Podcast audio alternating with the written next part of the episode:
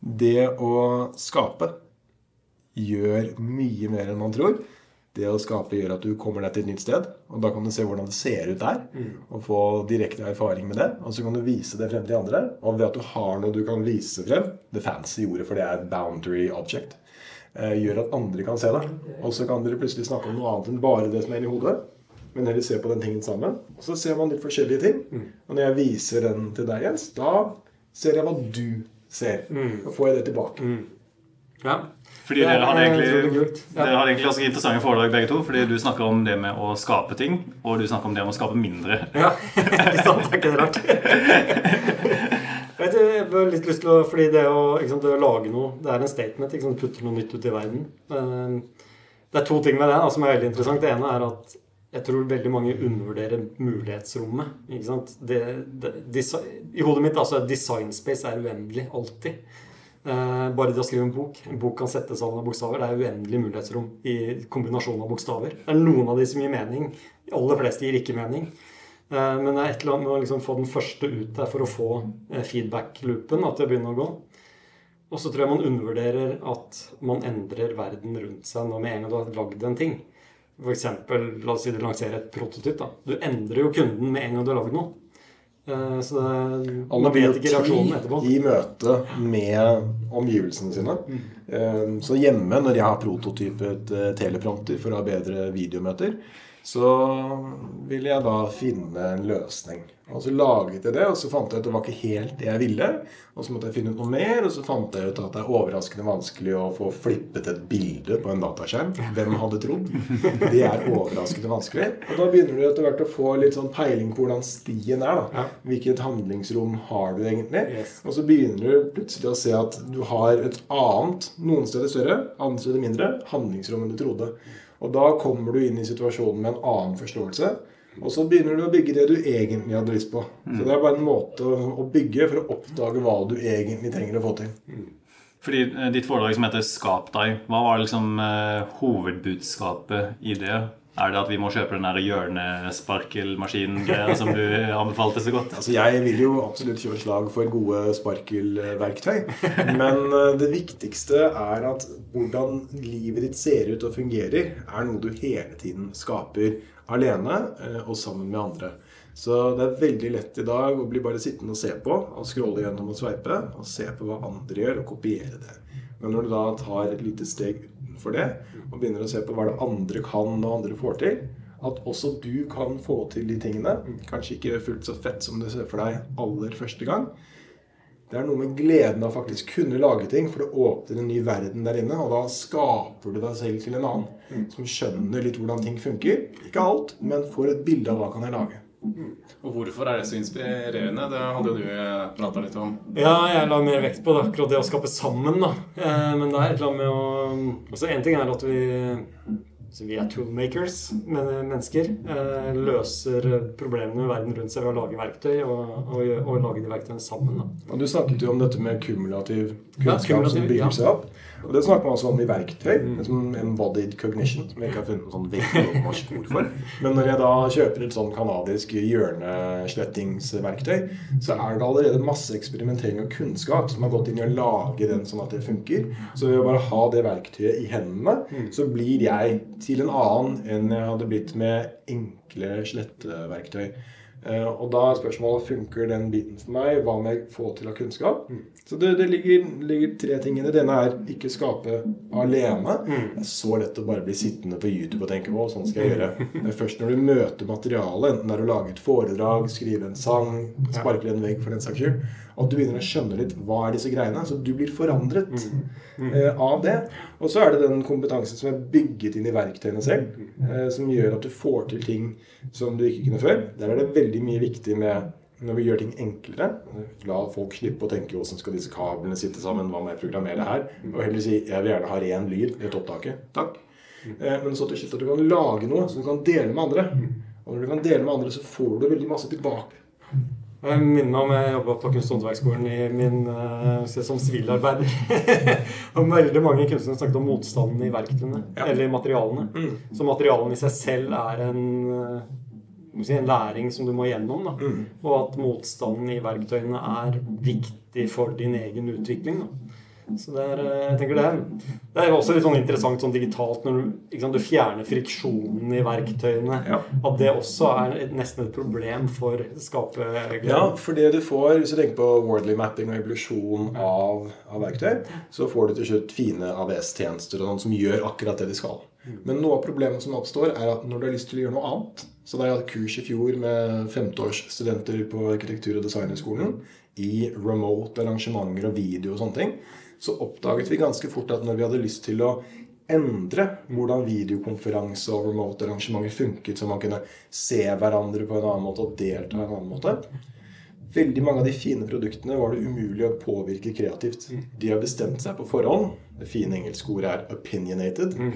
eh, på hvordan ting skal være. Det er en svakhet i dag, syns jeg, at veldig mange av verktøyene våre er ikke fleksible. Du må plutselig bli utvikler eller bruke noen sånn no code-verktøy som gir deg rom til det, for å lage noe annet. Så det syns jeg er et problem at etter hvert som ting blir tydeligere og mer spisset, eh, så har du få muligheter til å bygge det om. Det er en evolusjonær forklaring på også, er det ikke det? At ting blir mer og mer komplekst. Ja, det er i hvert fall en sånn jernlov da, altså fra evolusjonshistorien også. At med, ikke sant, du, du, prosessen for å, som bygger ny design, den er eh, evolusjonær og adaptiv, og den er additiv. Ikke sant? Så da får du økende grad av kompleksitet. da. Og Det beskrives jo gjerne som en sånn evolutionary valley som ikke du kommer deg ut av. Og det, dette med materialet som disse på kunst- og håndverksskolen snakket om, det er nettopp det at når du har lyst til å gjøre noe annet enn det den er laget til, Ja. da møter du så utrolig mye motstand. Men det har du ikke vært klar over. Det er litt som å ha vært i et eh, rom som ikke er så godt opplyst, og så finner du frem en lommelykt, og så ser du Oi, er det sånn det egentlig ser ut her inne? Og alle de tingene er jo usynlige. Så plutselig får vi massevis med friksjon når vi sier jeg kunne tenke meg å ha bildeboblene på den måten, og kanskje vi kan prøve rommelig lyd på en annen måte. Da må du plutselig rulle din helt egen tekststack. For å stille liksom et dumt, eh, enkelt spørsmål, da. Mm. Hvorfor har vi lyst til å lage ting? Ja, jeg på, fant jo en påstand om det, da. Eh, hemmeligheten Altså, mange dyr samarbeider. Mange dyr lager verktøy. Eh, hemmeligheten til mennesket er at vi forbedrer hverandres verktøy og hverandres eh, løsninger og ideer. Så og så er, gir det så stor verdi at liksom, lysten og gleden er på en måte klatta på evolusjonen etterpå. Mm. Eller i sams, samspill. Så vi sitter jo her og er liksom resultatet av at veldig mange av forfedrene våre gjorde det på den måten, og dermed så fikk vi arva den gleden. Jeg brukte eksempelet med, med mat. Da? Du har lyst til å gjøre det fordi det er nyttig. Dette er nyttig evolusjonært, og derfor så har vi lyst til å gjøre det. Mm. Arvedes følelsesapparat da, som gjør at vi har lyst til det, og liker det. Men det har, det har også en nedside, det, som jeg også var inne på. Ja, fordi vi fullfører aldri noe som helst, nesten. Ja, eller det er, altså. gøy, det er gøy og instinktivt å samarbeide og bygge videre på å leke med ideer. ikke sant? Det er gøy. Eller bygge nye ting, ta en god idé, ta et bra verktøy, ta en fin løsning, og så ja, kan du gjøre den enda bedre. Det er en nesten instinktiv drive hos oss. Det er min påstand. da. Det er en instinktiv drive på oss å forbedre sånn. Men uh, vi har en blind spot som går på å fjerne ting. Eh, den er ikke så naturlig for oss at eh, og da var det en forskningsartikkel i fjor som bare viste det, demonstrerte liksom en Lego-variant. At eh, den løsningen på problemet som besto i å fjerne brikker fra Lego-puslespillet, den var det ingen som tok tak i. Så det er, det er noe interessant her. Også. Jeg, tror det, jeg tror vi kan kjenne igjen det i hverdagen vår. At det å ta det som allerede er lagd, og egentlig bare forenkle det, det er ikke det samme gleden i det som å eh, som bygge det nye. Jeg har også lyst, litt lyst til å dukke i bunns i det. Hvorfor er det så interessant for oss å eh, starte prosjektet, men ikke alltid fullfører det? Jeg har en far blant annet som pussa opp badet for sikkert ti år siden. Satt ikke opp lister. Det er fortsatt ikke lister på, på det badet. Eh, og hvis du kan trekke eh, en parallell til det og på forretningssiden på teknologi, da, så er det kjempekult å starte nye prosjekter, og så kutter vi rett før det er ferdig, sånn at vi får teknisk hjelp. Eh, hvorfor er det sånn? Nå, nå tar jeg bare litt på sparket, men jeg tror aldri man har vært i den problemstillingen før. Vi liksom har levd i en verden hvor du lager verktøy, bruker, og så blir det ødelagt, liksom. Og så vedlikehold er ikke en sak. Så det er jo bare det å lage ting av jern er jo ganske nytt. Vi har ikke rukket å eh, vi, vi har lagd ting av pinner og, og ting som bare har vært brukt til det bare blir raste sammen, og så lager man en gang til. Men jeg tror mye av dette er et bias for oss som lager programvare, for det er lav endringskostnad. Så da er det ikke så farlig der og da at ting ikke blir eh, ferdige. Men hvis du spoler tilbake til 1800-tallet og lager de første elektriske generatorer, så er du inne i et helt annet domene at hvis du ikke gjør det helt ferdig, eh, så fungerer det ikke. Og så får du samme problem som vi har med utvikling av digitale tjenester. At øyeblikket du begynner å koble opp disse generatorene dine, begynner å påvirke samfunnet, så er det ikke noe tydelig bilde av når er dette ferdig. Men når det gjelder dette med lister, så tror jeg at det er todelt. Det ene er at man har for lite kompetanse på bra listing. Så du får Nei, det, er, det er ikke tull. Altså. Det er faktisk krevende øving å sette opp lister. Um, og så kan du ikke alltid gjøre det alene. Så når du skal ha taklister, så må du ha noen andre som kan holde i andre enden. Og så viser det seg at ingen vegger er egentlig så rette som du trodde. Og så kapper du feil, og så blir du frustrert. Så mye av den samarbeidsbiten du snakker om med revolusjonen over tid, det vi er altfor dårlige til der, er spør noen om hjelp. Ja. Eh, Fordi vi har vært nå, hjulpet noen venner som skal flytte, og få ordnet i huset. Og da kom det plutselig tolv stykker inn på dugnad og fikset ting. Og da var det mye lettere for huseierne selv å gjøre ting. Det er noe med den der siste biten med listene. Du får ikke noe ut av det. Og Sånn er det i mange digitale prosjekter også. Den gjøre den lille ekstragreia føles ikke så verdifull, men den er det. Hver gang jeg skal evaluere noe ny programvare vi skal kjøpe inn i Beck, første jeg sjekker, er support-sidene, opplæring. Har de virkelig gjort den ekstrainnsatsen? For det er den siste lille polishen som virkelig løfter den. Men er det en egen glede i bare det å gjøre det sånn? Altså lister, da. Du Ja. sitter der alene og blir et ork i å gjøre det ferdig. Men får man den gleden og motivasjonen til å gjøre det bare fordi man er en gruppe? Du får plutselig forventninger fra andre.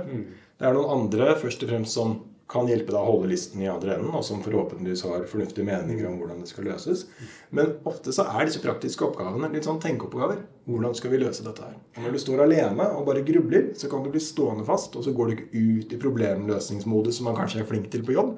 Og så blir man bare sur, og så nei, her er det betongvegg, hvordan i all verden skal vi feste den, osv. Virkelig. altså man burde, Alle burde ha en sånn listekamerat. Men for å stille det spørsmålet hvorfor vi ikke ferdigstiller ting, da. Eh, altså, en person som kanskje eh, har vant til å jobbe med prosjekter, ville ha tenkt at dette er et perfekt case hvorfor vi bør reintrodusere prosjektet. Fordi det har en definert slutt og et definert kriterier for hvordan du skal ferdigstille det. Og definert mål. da. Men vi praksiserer det motsatte. Vi prøver egentlig å fjerne det målet. Vi prøver egentlig å si at det ikke er noe slutt. Du blir aldri ferdig med listene i IT-hverdagen vår. Jeg tenker det lar seg forene. Eh, når man står der og har det nesten ferdig, så kan man si liksom, hva er verdien av å gjøre det ferdig. Eh, sant? Huset blir ferdig. Hva betyr det? Jo, det betyr at det ikke er stygt. Ikke? La oss gjøre den siste biten, da. Eh, Men det er synlig. Da kan folk komme på besøk og se ja, kanskje vi skulle gjort det på listene. Sånn er det ikke med kodebasen din eller systemet. Da er det folk som vet om åh, den tingen der. Sånn som jeg gikk inn i en løsning her om dagen. Jeg skulle dele lydklipp, og så ser jeg at de har bare collaborator og owner. Da tenker jeg med en gang åh, det er en dårlig tilgangsstyringsmodell. Her blir det problemer på sikt når de skapte seg masse krøll med en gang. Hvorfor blir vi ikke ferdig? Det er fordi det er en idé om at en fortelling tar slutt. Som eh, finnes fra romaner og filmer. Virkeligheten har ikke noe slutt. Du må hver morgen prioritere hva skal jeg jobbe med i dag, hva er det som gir verdi. Og så har du kommet ganske langt i prosjektet ditt, og så har verden forandret seg. Det var jo noe av ideen med Smidig, å kunne snu seg. Så helt klart, det å gjøre ferdig det man holdt på med å sjekke inn og pynte og sånne ting, veldig bra. Men det som skjer, er at du kommer inn, og så sier man vet du hva, i dag må vi prioritere annerledes. Vi får ikke gått tilbake til det vi trodde, fordi vi har lært. Hvordan gjør vi det uten at det blir masse rot? Ja, men jeg tenker eh, Det er viktig det du sier. Liksom, det å tro at man har en slutt, ting har en slutt, blir ferdig. Hvilke systemer er det som Hva betyr det å være ferdig, da? Uh, tror jeg, jeg dro masse eksempler på ting som uh, som må fikses i ettertid. Ikke sant? Og da er det jo folk som har tenkt at nå er jeg ferdig. Og så er systemet bare ligget der og bare gjerda og blitt klatta på i tiår. Og plutselig så var det et kjempeproblem fordi folk tenkte at det var ferdig. Hvis de ikke hadde tenkt at det var ferdig, så hadde jo kanskje noen ivaretatt det på en helt annen måte. Er jo, de leverer jo verdi hver dag, men det må jo vedlikeholdes. I, sånn avslutningsvis så snakker vi også om at uh, vi ser verdien av å gjøre mindre. Og om å gjøre mindre betyr ikke at vi bare skal tilfeldigvis gjøre halvparten av det vi vanligvis har, eller bare gjøre mindre og så bare si at vi er ferdig på et tidligere tidspunkt. Det handler om å gjøre de riktige tingene. Yes. Er det noen eh, tanker om hvordan vi kan finne ut, eller hvordan sørger vi for at vi vet at vi gjør de riktige tingene? Ja, man har jo det man kaller å reframe en oppgave. Man eh, kommer og spør er det dette vi ville gjort nå. Er det dette vi skal bygge nå? Eh, selvfølgelig I bankverdenen så er det kjempekomplisert. Jeg skulle ønske at noen snart kunne rydde opp i kjernebanksystemene. Sånn at når du betaler ned kredittkortet, for jeg legger jo ut utrolig mye jobbsammenheng, så har det en effekt at det betales inn med en gang. Men pga. sånn teknisk gjeld så vet jeg at det er ca. klokken 11, og så er det sånn klokken to på fredager. Da går det. Helt sånn mystiske ting. Kan de ikke rydde opp i det snart? Nei, Man har ikke noen måte å fange opp at det er viktig på. Og når man snakker om færre ting, da, så er det mer at eh, hva kan vi slutte å gjøre? Det er ikke så lett når maskinen allerede spinner og går. Du må tenke ja, bygget den om for at den skal gjøre færre ting. Og kostnaden av å endre er så utrolig høy. Eh, Jeg, jeg tror når det gjelder det å fjerne ting, da, som også du var inne på i, i praten din, så kanskje det er, det er bare den fear of loss-greia som, som mennesker har. Vi har loss aversion, ja. At det er eh, Ikke sant. Det er jo, det er jo sunk cost, da. Kanskje, kan man tenke. Eller noen har lagt ned arbeid i noe, og så tenker de at man kan fjerne det. Så da kan vi begynne med sånn Marie Kondo. Man kan takke funksjonaliteten man sletter. Gi den knappen her verdi. Gi den her glede. Gi den her glede, men også faktisk eh, Jeg syns det hjelper å si takk for innsatsen du har gjort. Dette var en, en god eh, kodesnutt. Den skal vi minnes, og så skal vi gå videre. For det er noe med det at man bare skjødesløst kapper ting og fjerner, fremfor å faktisk ha gode avslutninger på det. Jeg tenker, Nå er det en ny versjon. Enklere, annerledes. Nå går vi videre her. Googles Graveyard det synes jeg er et fint eksempel. Det er Googles egne oversikt over tjenester de bare har skrudd av. Det, er, det, er, det er mange brukere som sånn eh, Å, ser så mye de bommer, eller Hvis du signer opp på en tjeneste, så er det liksom en høy sjanse for at den blir borte på et eller annet tidspunkt. Men da kan det også gjøre det lettere å legge den ned. Jeg har noen abonnementer som er veldig lette å kutte ut, og så er det andre hvor du må ringe og mase. Så det vi kan tenke på når vi lager ting, er hvordan kunne vi sluppet dette her? Hvordan kan vi skru av dette? F.eks. dokumentere koden din og vite hvordan ting henger sammen. Fordi ofte så er vi redde for å fjerne ting, for vi vet ikke hva som skjer. Hvis vi drar ut den ene lille biten her, vil alt rase sammen. Men er ikke det noe vi kunne hente litt inspirasjon fra biologien her? da? At Alle celler har en innebygd sånn thalamus eller et eller annet sånn greie som deles opp. Som gjør at en celle har en maksimums levetid. Ja. For å sørge for at ikke Telomere. Telomere, ja. For å sørge for at ikke utvikler kreft over tid. på en måte. Ja, det Kunne man ha bygd noe sånt i digitale produkter? altså Det som er interessant, er jo hvis ting ikke blir brukt. Mm. Det burde man bare altså lage en feature bare til mange blir brukt. Det hadde vært en sånn fin eh, Men det fins jo på mange måter i eh, konkurranse. Og det er noe av problemet da at i veldig mange virksomheter så har man selvfølgelig ikke kapasitet til å lage mange versjoner av det samme som kan konkurrere. Man måtte prøve på det. Men det å være villig til å avslutte ting som ikke aktivt i verdi Der er det et fint eh, Las Vegas-eksempel hvor de tenker på et eh, sånn resort. Så har man da så og så mange mennesker som går forbi fottrafikk med så og så mye penger. Og da er den teoretiske maksimumsverdien som en restaurant kan dra inn, en viss sum. Og når du da ser hvor mye er den faktisk drar inn, så ser de diffen. Og så regner de ut ok, ved å rive dette her og bygge ny, så tjener vi penger på det tidspunktet. her. Så det vi ikke har i dag, er en enkel måte å ha oversikt Hva koster alle disse tjenestene oss? Og der er jo Simon Wardley og andre på at i fremtiden når man har mer sånn serverless, mer funksjoner, at du kan se hva koster hvert eneste kall av dette her. Så det var problemet faktisk, at vi har ikke en god måte å telle hva ting koster. Men kanskje vi skulle ha bygd inn en sånn automatisk eh, dreping av eh, egne features? Altså, som de Det som er interessant sånn evolusjonært, er at evolusjonen er veldig flink til å slipe vekk. vekk. Den, den tar bort funksjonalitet. Et eksempel er jo sånn fisk som lever i huler. De mister øynene. De mister hele visuelle persepsjonsapparatet i hjernen. Fordi det forenkles igjen. ikke sant? Det er, ikke, det er waste. Og, og det, men vi har ikke de mekanismene. Det går liksom sette på spissen, at Et selskap må dø ikke sant? fordi de har så mye høye kostnader og ikke klarer å fikse, fikse det med, og det gir ikke noen verdi. I Det har du eksempel på fra 80-tallet her og i USA og andre steder at man hadde selskap som ble kjøpt opp, kappet opp. Mange ting som uh, ble gjort om på.